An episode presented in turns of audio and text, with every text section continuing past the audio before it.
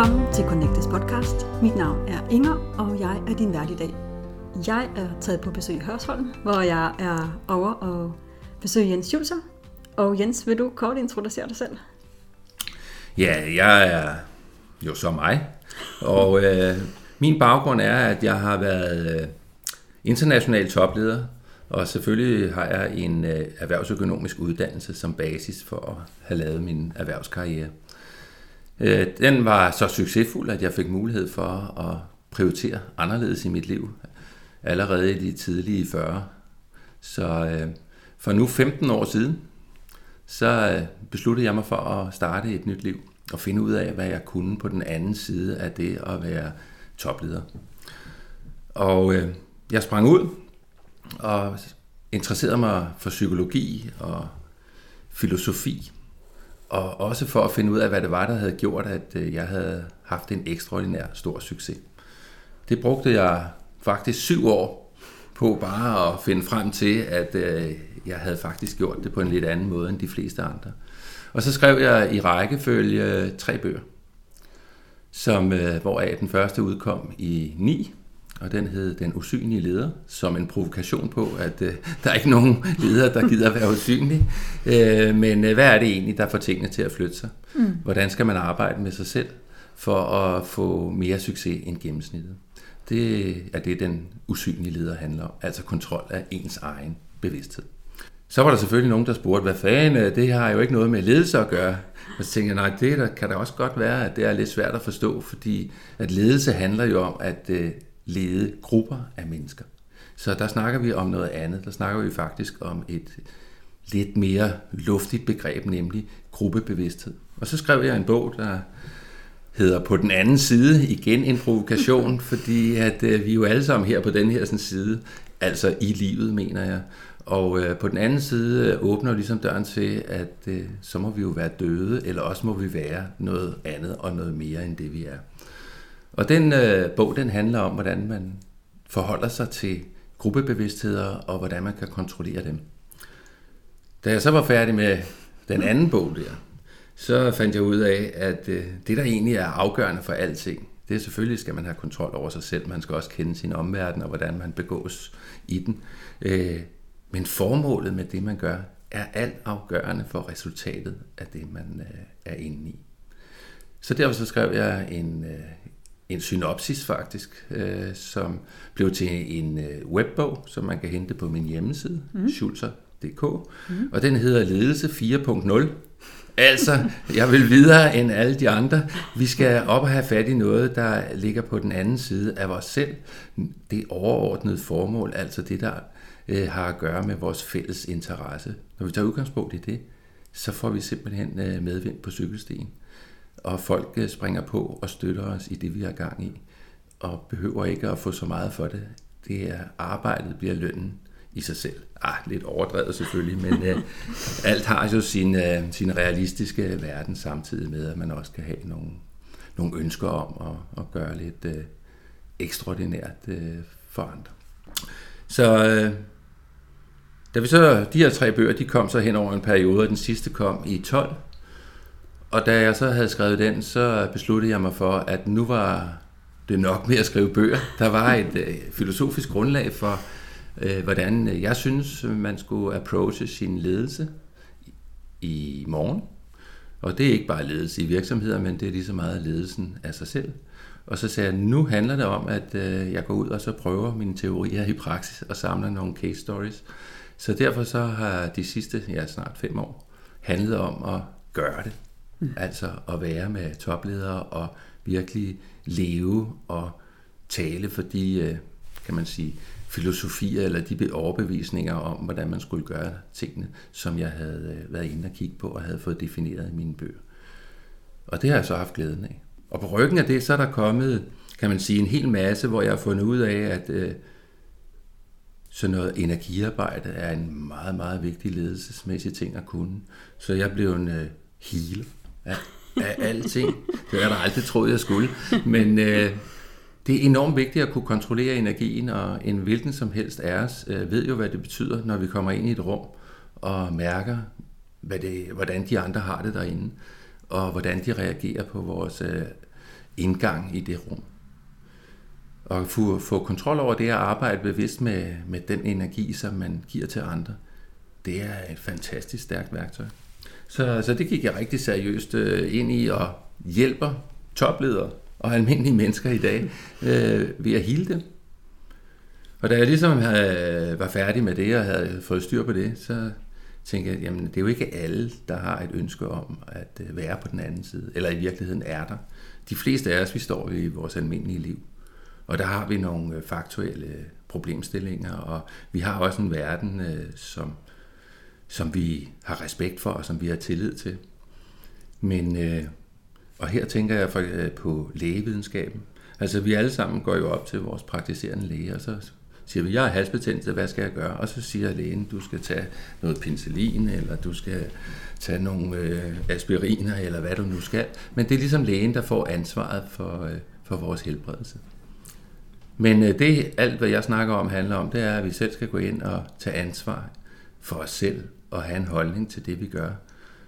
Og derfor så tænkte jeg, så, så må jeg jo også vide lidt om uh, menneskets krop, for ligesom at kunne tage fat i folk i deres almindelige liv. Og så blev jeg, øh, hvad hedder så noget, fik jeg en master i øh, biomedicin, eller heilpraktiker hedder det i Tyskland. Ja. Og det gjorde, at jeg fik nogle midler, som ikke havde nogen bivirkninger, men som hjalp folk i deres øh, stressede praktiske hverdag med at få noget mere energi og overskud øh, på det helt konkrete plan, altså nogle vitaminpiller og nogle andre tryllemidler, som, øh, som jeg kunne give folk, og ikke stille et krav om, at øh, de skulle sætte sig ned og meditere og en hel masse ting, som de på det tidspunkt, hvor de kontaktede mig, ikke var klar til. Men øh, hver gang de spiste deres vitaminpiller, kom de jo til at tænke på mig, og så vidste jeg jo, at energiarbejdet havde en stor betydning. Når de så koblede til mit energifelt, så blev de jo påvirket af det, jeg gerne ville. Så på den måde, så er ved at spise en, et sundt kosttilskud og en sund kost, som jeg også er blevet en specialist i at anbefale folk, så var de jo meget i kontakt med mig i deres hverdag, og det jeg stod for. Og det var de jo så nødt til at forholde sig til. Så det er arbejdet i bunden af det, og når folk så har været sammen med, med mig i proces i en periode, jamen, så begynder vi stille og roligt at arbejde os ind i mindfulness og sidde stille med sig selv og sådan noget. Men så på det tidspunkt er det også mere naturligt, og folk ja. kan give, give sig over til det. Ja, det var en lang historie om mig. men, øh, men det var også en spændende rejse, du har været på. Øhm, og Jens, tak fordi at jeg må komme her i dag. Øhm, jeg har, har øh, begge dine bøger på den anden side, og Den usynlige leder, og øh, en, en sommerdag sidste år, der... Øh, der talte bogen på den anden side til mig, og jeg øh, fik lyst til at læse den. Og øh, det er jo en bog, du har skrevet med et ønske om at sætte nogle tanker i gang hos den enkelte, som, altså i forhold til, hvordan vi driver vores virksomhed. Det er også det, du siger. Ja. Øh, det er en ledelsesbog, og den er, den er selvfølgelig derfor skrevet til dem, der driver virksomheder. Men jeg tænker, at det mindset kan vi sagtens overføre på det at lede sit eget liv. Øh, og det var egentlig der, der, du præsenterer i hvert fald nogle modeller i bogen, som jeg, øh, som jeg blev meget rørt over at, at få indsigt i, og det var det, der fik mig til at kontakte dig. Ja. Det her med, at vi skal, at der er simpelthen et paradigmeskifte, øh, og der er en ny måde at leve på, og en ny måde at være i verden på, som jeg er, er meget optaget, optaget af. Dels fordi, at det er noget, jeg oplever selv, og det er også noget, som jeg genkender i, altså i min omgangskreds. Mm-hmm. Med din bog, der opfordrer du os til at kigge på den anden side, og måske er det en anden side af livet, eller en anden vinkel. Øhm, du øh, opfordrer os til, at vi skal ændre vores fokus fra at være drevet af opfyldelsen af de behov, som, øh, som vi primært kender fra Maslows behovspyramide. Ja. Og i stedet øh, supplere og inddrage et lidt mere åndeligt aspekt. Ja. Vi skal sådan tale lidt om en model, du har i din bog, som, øh, som er timeglasset, og nu det beskriver jeg mest, mest øh, for vores lyttere. Men nu har simpelthen en model, hvor vi nederst har den kendte Maslows behovspyramide. Ja. Og øh, oven på den ligger du så en omvendt trekant, som øh, nederst indeholder behovet for at finde mening med livet. Ja. Dernæst så kommer behovet for at gøre en forskel, og allerøverst behovet for at tjene andre eller universet. Ja. Øh, så skriver du i din bog, at når vi befinder os i den nederste del af modellen, altså det vi kender som Maslows behovspyramide, mm. så er vi meget drevet af ydre succesfaktorer som magt og penge, og det er begær og succes, der er vigtigt. Og øh, faktorer, som oftest er meget kortvarige. Det vil sige, mm. når vi har fået den her store bil, så bliver det hurtigt hverdag, og så vil vi have en, der er større eller hurtigere. Ja. Men der, jeg, jeg kunne alligevel godt tænke mig at få dig til at måske sætte nogle ord på det, der driver os nede i den, øh, i den nederste del af modellen, altså Maslows behovspyramide. Ja. Ja, Maslows øh, behovspyramide i sine nederste faser handler jo om den rene overlevelse. Og det er jo naturligt. Vi er jo et dyr, så vi skal jo have noget at spise. Ja. Og vi er også nødt til her i Danmark at have tøj på kroppen. Og også lidt varme i radiatoren, ellers øh, så kan vi ikke overleve. Så det er ikke sådan, at øh, den nederste del af pyramiden er en uvigtig del af det. Men øh, det er, kan du sige, det er en nød, nødvendig forudsætning for at kunne eksistere i en krop. Mm, ja. ikke også? Ja. Og det er vi jo altså, når vi er i livet. Ikke? Ja. Så derfor er det vigtige elementer. Der er bare det problem ved det, at øh, vi som mennesker jo også har en bevidsthed, og den er ikke fysisk. Og der har vi jo bedre udstyret end dyrene. Og det vil sige, at vi kan skabe mening i tingene og øh, vi har et perspektiv, der rækker langt ud i fremtiden, og også øh, kan overskue langt tilbage i historien. Og det er der ikke så mange, der kan. Og derfor mm. har vi en speciel gave, eller et specielt problem. Det er, at vi hele tiden ønsker at forstå, hvorfor tingene er, som de er. Men øh, realiteten, og, ja, og det kan du så sige, er jo basisen for videnskaben. Og det, der er mest kendetegnende for, for videnskaben, det er jo, at de bliver ved med at stille spørgsmål ved det, der eksisterer, og finde nye løsninger. Så, øh, så et eller andet er der jo med, at der er noget, der er større end det, vi kender. Og det man i hvert fald har fundet ud af, det er, at for at stof, altså kan du sige, øh, grundstofferne kan komme til at blive levende, så er der altid en form, som er en forudsætning for, at de her grundstoffer bliver til et levende individ. Og det er bevidsthed. Så, så derfor er jeg jo interesseret, enormt interesseret i at finde ud af det her, som der er særligt ved os mennesker, som, som så er bevidstheden. Ja. Men øh, for at lige at være provokerende, så er, har et træ jo også en bevidsthed. Ja. Og det er også levende. Og derfor så er der jo nogen i verden, der har konkluderet, at øh, det der bevidsthed, det er faktisk et meget, meget, en meget vigtig størrelse, og den vil jeg respektere. Der kan man gå ind og kigge på buddhisterne. Øh, de slår jo ingenting ihjel, og skader ikke noget, uden at det er en absolut nødvendighed. Og det hænger jo sammen med den commitment til, at bevidstheden er en større størrelse, og en mere vigtig størrelse for os som mennesker, end egentlig vores fysiske krop. Okay? Ja, altså nu, nu, øh, nu sagde du lige før, at, øh, at det, at vi har en bevidsthed, er i virkeligheden en gave til os mennesker. Ja. Øh, og så, så siger du lidt senere, at øh, i virkeligheden så har træer jo også en bevidsthed. Ja, det var bare lige for at være lidt provokerende. Men alligevel så er der jo en forskel på os mennesker og træer, eller hvordan? I, i din i dit arbejde eller din teori? Ja, altså øh, det er jo bevidsthed kan have eller kan have forskellige øh, grader eller udviklingstrin. Mm. Så et træ er på et lavere bevidsthed, end øh, vi som mennesker er. Mm. Og øh, det der så ligesom er ved at have et højere bevidsthedsniveau, det er, at den, der har evnen, har pligten. Mm. Så da vi er dem i verden, der har det højeste bevidsthedsniveau, så er vi også dem, der har pligten til at passe på alle de andre på et lavere bevidsthedsniveau, og sørge for, at de kommer vel med ind i fremtiden.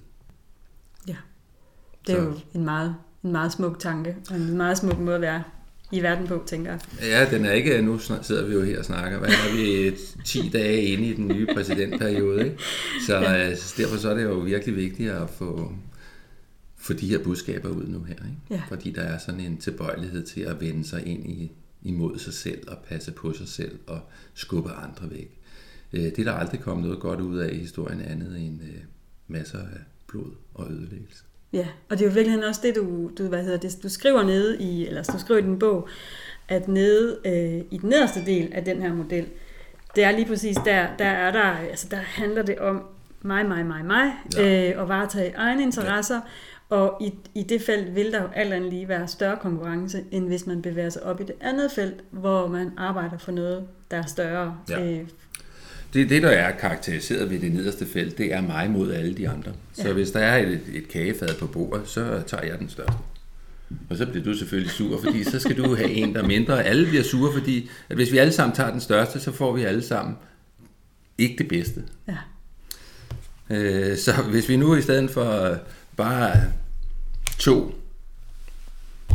en eller to den mindste, ikke? Jamen, så vil alle jo blive glade, fordi så kunne de give de andre en mulighed for at få noget, der, der var fantastisk, og en positiv oplevelse med, at øh, jeg havde taget hensyn til dig, jeg gav dig en lille gave. Ikke? Ja.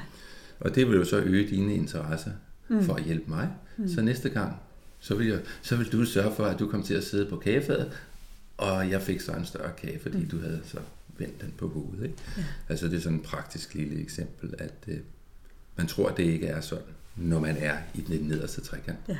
Der tror man ikke, at de andre vil en det godt. Men øh, spilteori og alt muligt andet har været inde og dokumentere det der til hovedløshed. Altså vi som mennesker er et flokdyr, og vi er super afhængige af, at øh, flokken fungerer. Så vi er simpelthen naturligt programmeret til at sørge for, at de andre er glade. Men det respekterer vi ikke i vores kultur i dag.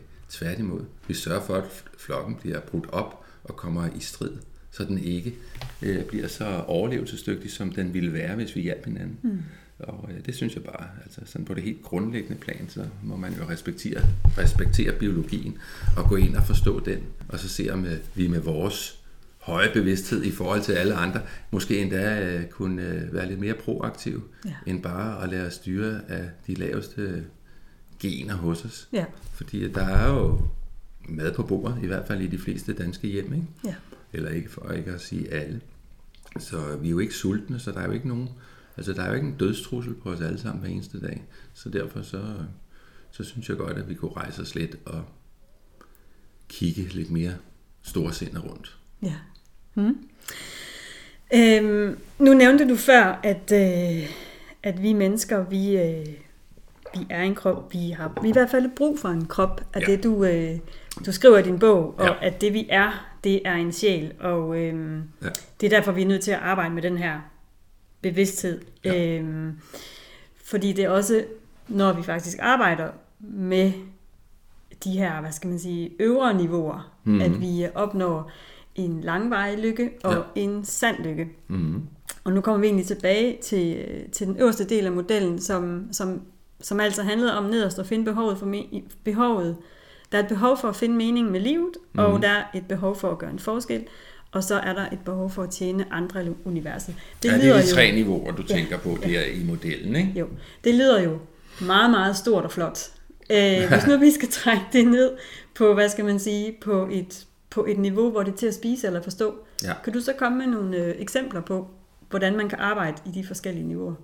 I de, ja, i de grundniveauerne er det jo ligesom at få de øh, lo, logistiske, fysiske omstændigheder på plads. Ja. Sådan, så du ikke er truet på din eksistens i din hverdag. Når du er det, så kan du godt læne dig tilbage og opføre dig, som om der er en lille smule tryghed omkring dig.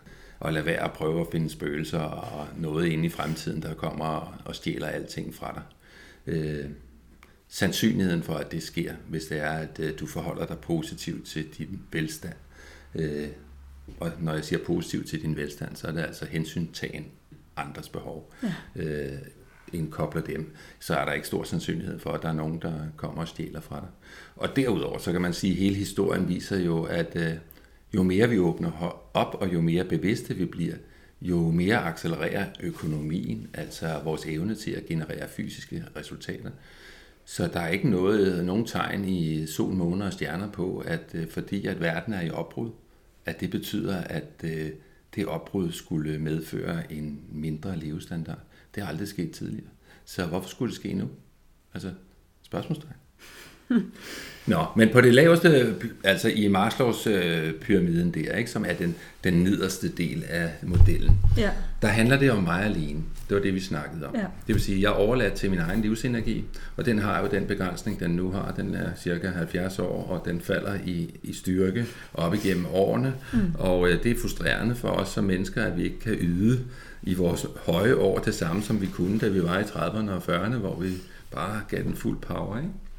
Så, øh, så derfor er der jo, når folk de når op og har øh, en, en høj performance og har, har oplevet succes i erhvervslivet eller i livet, så kommer de alle sammen, hvis de sætter sig ned på en stol, faktisk til den erkendelse, at øh, det har ikke gjort dem glade.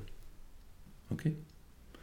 Fordi der er, i og med, at de har gjort det for at beskytte sig selv, så føler de sig alene. Mm. Og i opposition selv til deres kone og deres børn. Og, altså, og det er en, en rigtig ubehagelig oplevelse. Og derfor så øh, er der jo et basis for at finde ud af, hvad fanden, det kan da ikke være rigtigt. Er jeg virkelig alene her på jorden, er, øh, selvom jeg giver andre en gave eller noget, så, øh, så, så fører det ikke til, at jeg føler mig mere tryg. Så det, det, der er sagen her, det er, at på det laveste niveau, der er du meget mental. Ikke også? Der arbejder du ud fra din hjerne. Alt, hvad du øh, forholder dig til, det er det, du kan se og måle. Mm. Øh, så det er rent fysiske størrelser. Der kommer du så til den grænse, og så siger du så, okay, hvordan kommer jeg videre her? Så, og opleve, opdagelsen er faktisk, at hvis ikke jeg åbner til mine følelser, så er grænsen der. Mm. Fordi det er i, i følelserne, at øh, kan man sige, fundamentet for den måde, man tænker på, ligger. Så hvis ikke du arbejder med følelserne og får nogle mere positive følelser ind i dit liv, så bliver du ved med at få de negative tankesæt, som hører med til de laveste niveauer mm. af Maslows behovspyramide.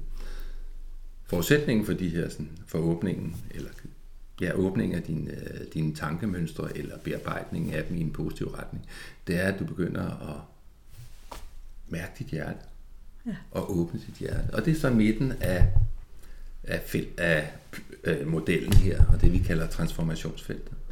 Så det at åbne sit hjerte, vise sine følelser, tage andre folks følelser ind, forholde sig reelt til det, som andre folk føler, øh, og det man selv føler, det fører til, at øh, man opdager, at man faktisk er et flokdyr. Mm. Og det er skide hammerne dejligt at være i en gruppe, der har det godt. Det føler jeg mig mere tryg ved. Derfor så er det jo min egen interesse, helt nede på bunden af Maslow, øh, Maslows pyramiden, egentlig at gøre det for de andre. Det får man så en forståelse af her. Men ikke før du åbner for dine følelser. Får du ikke den. Aha. Så øh, transformationsfeltet om at komme op i en større sammenhæng handler altså om at gå fra jeg ind til vi. Ja. Ikke også? Ja. Så gruppen bliver prioriteret forud for mig selv. Ja. Og der er jo jo allerede ved at, kan man sige, trykke min egen forståelse i baggrunden. Ja. Og øh, det er faktisk det, som udviklingsvejen handler om i alle filosofier og religioner mm. op igennem tiderne. Det er, hvordan får jeg taget kontrol over mit ego, øh, og ultimativt, hvordan får jeg det til at forsvinde. Ja. Fordi det er, viser sig i, i al erfaring, at øh, jo mindre styrende din, dit ego, din personlighed er for dit velbefindende, jo mere godt befinder du dig, og jo mere godt befinder dem omkring sig, og jo flere, der befinder sig godt i dit, sammer, i dit samvær, jo større resultater kan du opnå. Altså, der er jo simpelthen mere, flere hænder til rådighed for ja. at, at lave det, som vi så i fællesskab bliver enige om. Ikke? Så, så det er den ledelsesmæssige baggrund for det, det er simpelthen at få noget hjælp, få nogle motiverede medarbejdere, som, øh, som ønsker helt fra deres dybeste kerne at gøre det bedste. Og det ved vi jo fra, øh, fra os alle sammen, også fra sportsudøvere, at øh, der hvor man yder rigtig godt, det er når man er kommet ud over sig selv. Du er ude på ude af din comfort zone, hedder det. Ikke? Og så er du udfordret, men ikke mere udfordret, end at du kan klare det. Og derude, der får du simpelthen et skud af positive hormoner op i din hjerne. Lykkehormoner, og dem vil vi gerne have. Men vi er skide bange for at gå derud, så derfor er vi nødt til at være meget bevidste om at bryde de her grænser. Og den første grænse er altså, at vi er bange for vores følelser. Så hvis ikke vi tør gå ind i dem, så så blokker vi for at komme, kunne komme videre Ja. til noget, der er bedre. Og derfor er der faktisk også i modellen nogle, jeg kalder dem sådan nogle glaslofter. Så fra Maslows behovspyramide og ind til transformationsfeltet, der er sådan et, ligesom et glasloft, som du rammer på, og så bliver du bounced tilbage, Ja. hvis ikke du tør gå ud af din comfort zone og prøve noget nyt. Altså at være med dine følelser og lade dem styre mere i dit liv end din logik. Så kommer du ikke ind der, og så får du ikke, kan man sige, udviklet dine relationer til et højere niveau end command, command altså, altså kommandere rundt med Ja, andre ja, folk. Ikke? ja. Fordi der hører forskellige øh, ledelsesmodeller til, til hver af de her niveauer. Hvor det er den typiske kommando, der hører til Maslows. Ikke? Og så begynder vi at lave teamledelse, når vi kommer ind i transformationsfeltet. Ja. Altså vi tager hensyn til hinanden, men også med respekt for, at vi skal jo nå noget. Ja. Så hvis man ligesom skal trække det, trække det over på, på den private sfære, så øh, i det øjeblik, man kan... Altså, jeg kender i hvert fald, jeg har måske også været der selv, at, man, at jeg har sådan en ting, jamen jeg har jo, jeg har jo, hvad skal man sige, princippet alle de ting, der burde gøre mig glad. Mm-hmm. Øh, og det er jo det, der ligger nede i Mars, altså det nederste af Maslows behovspyramide. Ja. Og alligevel så var jeg faktisk ikke rigtig lykkelig. Øh, mm. Så hvis jeg kan flytte mig, og så bevæge mig op i det felt, hvor jeg... Det er, hvor du begynder at få venner. Ja. Rigtige venner. rigtige venner, ja. Som, ja. Øh, ja. Og, og på den måde, så kan gøre en forskel for dem, og måske i, i, i hvad skal man sige, yderste, i bedste konsekvens, kan gøre en forskel for hele universet. Ja. Det, det siger jo sig selv, at det, det, er, det er langt mere interessant, og langt mere lykkebringende, øh, end, end de nye sko, eller den nye bil. Eller samtalekøkkenet, eller hvad vi nu ellers. Ja, det problemet er, det er derfor bogen hedder på den anden side. Mm. Det er, at øh, når du står på vores dagligdags side Ja, af systemet, så ser du ikke sådan på det. Det kræver, at man har været oppe og kigge på det. Det der glasloft, som jeg snakkede om, ikke også? Mm. Der, det er desværre sådan, det er kun gennemsigtigt fra den ene side, og det er ovenfra. Så, så nedefra, der er det bare sort. Ikke også? Ja. Så der rammer du op, mand, og så rammer du ind i det der loft der, og så bliver du bounced tilbage. Mm. Med mindre, at du lukker øjnene, og så tager en øh, glashammer med op og får den slået i stykker. Ja, altså, ja. du tager godt ind og risikerer. Fordi det, der sker på de her sådan, trin, altså der er altså de to, når du går ind i transformationsfeltet, og når du går videre, ja, ud af og op i den øverste trekant, sådan rigtig for alvor. Ikke? Mm. Øh, jamen, hele din overbevisning i, hvad der er rigtigt og hvad der er rigtigt at gøre, og alt muligt i Maslows pyramiden, ikke også? Det er du nødt til at gøre op med. Fordi at, øh, altså, du er nået til den grænse, hvor de værktøjer, som du har brugt ind til det tidspunkt, der kan du simpelthen ikke øh, komme videre.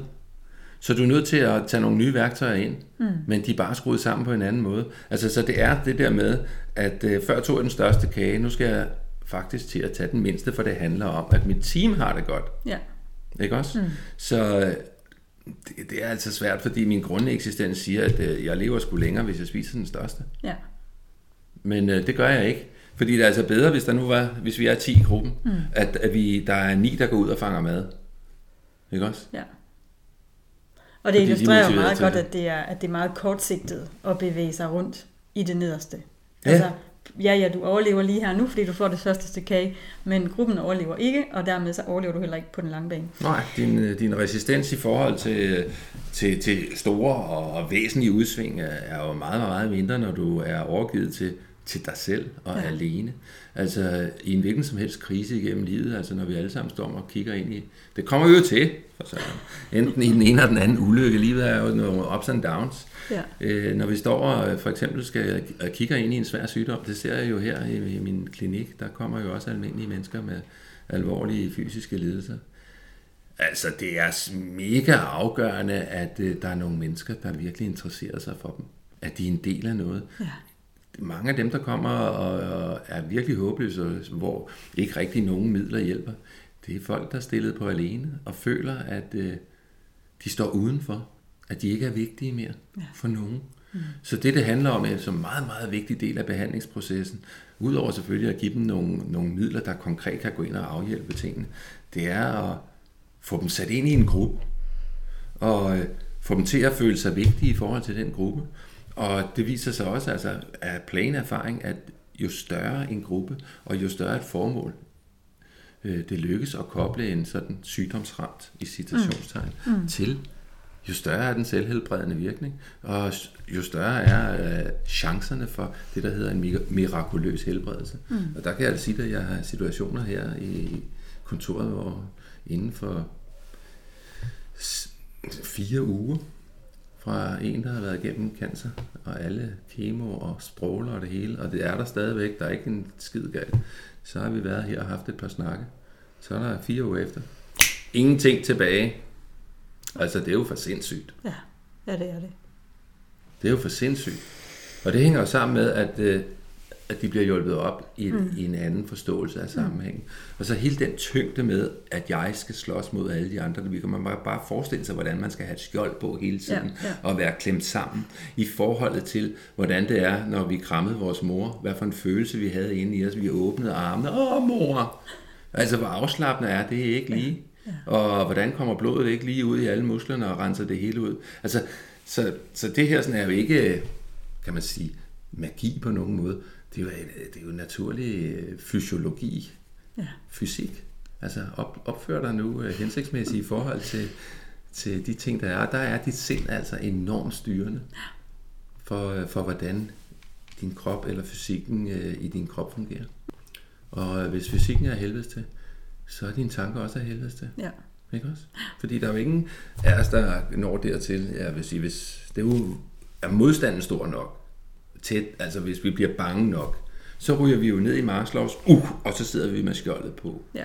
Og derfor så er de der paramedics, som er i ambulancerne, er jo også det første, de gør, det er, at de kommer hen og får folk til at slappe af. Ja. Okay, tag dig ud af problemet, tag dig ud af skjoldet, for at ikke at du skal gå i chok, fordi går du i chok, så er du død. Så kan de jo ikke få en kniv i dig, de kan ikke få en nål eller noget som helst i dig. Så, så det er det, det handler om. Så det er mm. første hjælp nummer et på alvorligt til skadekommende. Ikke? Og det gælder i alle sammenhænge for pokker i hver eneste øh, minut i løbet af dagen. Øh, bare ikke så voldsomt. Nej. Men, øh, men tænk på, hvordan vi selv har det. Den der krammer, ja, den bruger jeg selv tit. Ja. Når jeg var rigtig sur eller følte mig alene, øh, så tænker jeg tilbage på, hvad jeg så gerne ville have haft ja. for en krammer af min mor. Nu har min, min kone jo selvfølgelig skiftet den, eller taget den position heldigvis, ikke? Men, men men jeg bruger hende på den måde, ja. og hun, hun giver mig det. Så det er jo også vigtigt, at ens parforhold øh, faktisk kan tage den rolle. Ja. At når man er mest såret eller sårbar, at, man, at den anden så kan rumme en og give en den, hvad kan man sige, den krammer der, som ikke har nogen krav på sig, men jeg skal bare lige ja. have lov at græde ud og blive lyttet på. Ikke? Ja. Jens, nu siger du, at, øh, at der er sådan et... Øh et øh, usynligt, eller et, øh, et glastag, ja. og øh, det der det, det, det, nu taler jeg egen erfaring, at det der i hvert fald fik mig til at, hvad skal man sige, få lyst til at banke lidt på det her tag, eller ja. måske endda ovenikøbet bryde igennem det, det var, øh, det var en, en livskrise. Øh, jeg synes jo måske, det kunne være interessant, hvis man kunne få nogle værktøjer til at bryde igennem uden livskriser. Ja. Øh, hvad, vil du, øh, hvad er dit råd til, til de mennesker, som har lyst til at, at, at bevæge sig op, øh, uden at skal have en livstru, en livskrise, øh, der truer dem, ja, ja, ja. Øh, som ja, presser dem? ja, ja. Det hedder jo rettidig omhu i ja, erhvervssprog, ikke? Ja. Øh, og det kan jeg da kun anbefale. Og det, egentlig er det ret simpelt, men det er jo på den måde også svært. Fordi at det, det kræver, at øh, du sætter dig stille ned. Og, og hvis du er nede i Maslows behovspyramide, du, så kører din hjerne altså, og dine tanker med en voldsom stor hastighed, så man kan blive helt bange, mm. når man sætter sig ned og virkelig konstaterer, hvor hurtigt de kører, ja. og hvad for en drejning de har. Ja. Øh, så, så det er svært, men øh, der er ikke noget anden vej, end at sætte sig ned, og det hedder vandfaldet, det der, når det hele det er bare... Så det er alle, der starter med at meditere, øh, eller sætte sig stille ned og være med sig selv, de oplever den her tanke mylder det her vandfald af tanker, som er skræmmende. Og der må man bare sidde stille, koncentrere sig om sin vejrtrækning, og hver gang man så er blevet væltet af sine tanker, så tilbage, fokus, fokus på åndedrættet, ikke? Og så, så kommer man ind på et lidt uh, mere decent niveau. Mm. Det næste, det er alle ens drømme.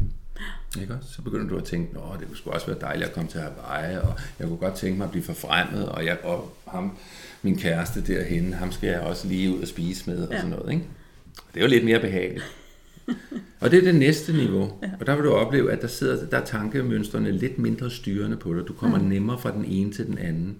Øh, og det i sig selv er jo en, oh, okay, så der er forskellige tankeformer, der griber forskelligt fat i mig. Ja, stadigvæk, når du sidder her. Så når du opdager, at du er på, på et date med din, din kæreste, så sætter du fokus tilbage på dit åndedræt. Mm. Og så sidder du der lidt længere, og så kommer du til det næste niveau. Så begynder du at blive opmærksom på dine følelser. Og der finder du ud af herinde, åh, hvordan har jeg det i dag? Øh, ja, det var, jeg blev også rigtig ked af det, da den og den sagde det og det til mig. Eller jeg blev rigtig glad, da mit barnbarn kom på besøg. Og så okay, her kan jeg faktisk sidde og lære, at der er nogle følelser, der er forskellige. Mm. Jeg kan approach dem forskellige. Jeg kunne jo også blive irriteret, når mit barnbarn kom. Men jeg kunne også vælge at lægge mig ned i glæden og kærligheden, og så lade resten blive til en anden dag. Øh, så det kan jeg kun anbefale, men det, det øver man sig så i der. Øh, men igen, du skal jo ikke blive grebet af dine følelser her. Der er jo, vi skal jo videre ind i systemet. Ikke? Så fokus tilbage på åndedrættet. Og så sidder du der stadigvæk lidt længere. Og så finder du ud af, at så kommer du videre fra følelserne, så de er ikke så tydelige mere. Og så er det ligesom at sidde på en øh, forårsmark, hvor, øh, hvor der popper de her sådan små spiger op fra korn. Og det er sådan tanker, det, det er et billede på tanker, de her spiger. Øh, at der kan du gå hen, og så kan du lægge dem ned ret nemt. Bum, bum, bum. Og de fylder ikke ret meget. Og så vil du opdage, at der er nogle af de her sådan spiger, der mærkes eller ser forskellige ud. Og så går du hen og hiver en op og siger, okay, den her var sådan en lille smule rød, eller havde den der. Og så var der noget skidt ved den, når jeg nu blev ved med at, at, at tænke på den, eller lå den vokse. Ikke? Og så ved du bare, at den der, den klapper jeg ned fremover. Mm. Og så tilbage, når du har været inde i det her felt nogle gange, så ved du, hvad det er for nogle tanker, der er værd at dyrke. Ja. Det er jo ikke, fordi vi ikke får mange tankeimpulser i løbet af dagen. Det bliver de samme. Men evnen til at vælge, hvad for mm. nogen du vil lade blive store, ja. og få krop, og komme ud i, i livet i virkeligheden, det er jo det. Altså, der er ikke nogen ting, der er blevet, uden der har været en tanke først. Ja. Så det var enormt vigtigt, hvis du vil have styr på, hvad der skal ske i dit liv, at du styrer, hvad det er for nogle tanker, ja. som du lader få plads i dit hoved. Og der er så muligheden her, når du er inde på den anden side af følelserne i meditationen. Ikke? Og øh, når du er herinde, så lige pludselig, så begynder du at græde og blive meget sørgmodig. Og der banker du på døren til den øverste trekant. Ja. Der vil du, det vil du helt tydeligt mærke. Dit hjerte åbner sig, du kommer ind i, en, i et felt, i, det, kunne du, det kan sammenlignes med sorg eller øh, overgiven kærlighed. Mm. Ikke? Og, og det viser sig simpelthen ved, konkret ved tårer i øjnene. Og her når du sidder og mediterer, der ligger du og bliver smadret frem og tilbage i det her sådan, system hele tiden. Okay? Men der er kun én ting at sige til det. Bliv ved. Ja. Ikke også? Så, så okay, jeg kom kun til følelserne i dag, og så var det det. Ja. Eller jeg nåede sgu helt ind på, øh, på forårsmarken, eller jeg fik lov at banke i dag. Mm. Og så kan det være, at det tager tre måneder, inden du får lov at banke igen mm. på døren øh, ind til det, den øverste trekant. Men, og, og, men, og det jeg tænker, det er, at man skal Altså det er jo fristende at hoppe tilbage, når man møder sorgen og tårerne. Ja. Fordi det kan vi ikke lide. Men ja. der skal man i virkeligheden blive der, fordi at, at det er altså det er bare en fase, eller det er noget, man alligevel skal gå igennem for ja. at bevæge ja. sig. Så hvis man tør blive det, så kommer den sande forløsning. Ja, så, så kommer du ind til det der, sådan, hvor du ligesom, øh, hvor der er tomt. Ja. Okay? Og det er det sande kreative felt. Og så tomt er det jo så ikke, der vil komme noget til dig derinde, ja. som har med helt sikkerhed en stor værdi i dit liv. Det kan være konkrete øh, bud på, hvad du skal gøre i forskellige situationer. Ja. Det kan være hele bøger, der bliver præsenteret for dig. Altså, så du simpelthen ikke kan følge med på tasterne, når du skal skrive. Ikke?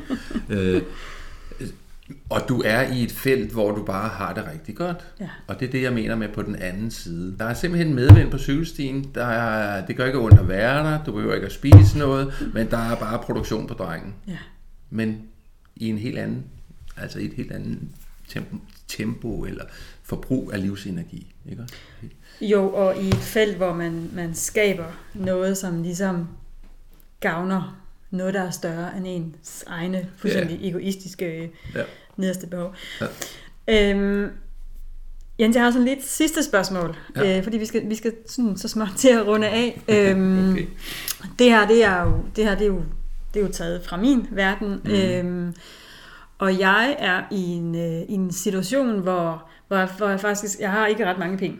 Nej. Og øhm, så til gengæld, så kan jeg så sige, at jeg øhm, arbejder for noget, der er større end mig. Jeg har ligesom sagt, at jeg vil ikke arbejde for succes og penge og alle de her statussymboler. Mm-hmm. Øh, og i, i det felt, der opstår der, kan jeg godt have en tendens til nogle gange at føle mig som et bedre menneske, og mere mm. ren og mere spirituel. Mm. Og samtidig, så må jeg jo også erkende, at jeg, at jeg ved at, at have, den, mm. have den forestilling om mig, mm øh, undlader at gå ind og tage ansvar for nogle af de grundlæggende behov, som mm. handler om, at vi skal have nogle penge til at betale huslejen og ja. maden og, og så videre, så videre.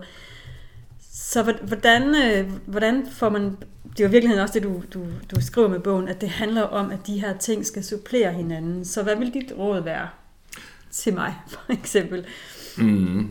Mit, det her, det handler jo ikke om at være det ene eller det andet. Nej. Altså den model, vi snakker om her, symboliserer det hele menneske.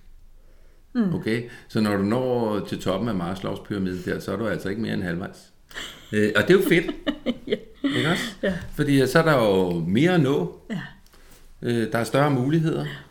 Ja. Øh, så, og der kan man så sige, at samfundet i dag, vi er på en god dag i toppen af Marslovs behovspyramide. Ikke?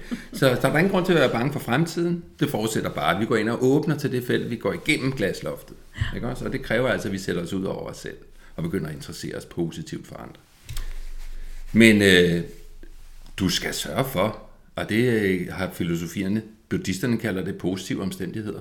Altså du er nødt til at sørge for, at du ikke bliver reddet tilbage i dødsangst.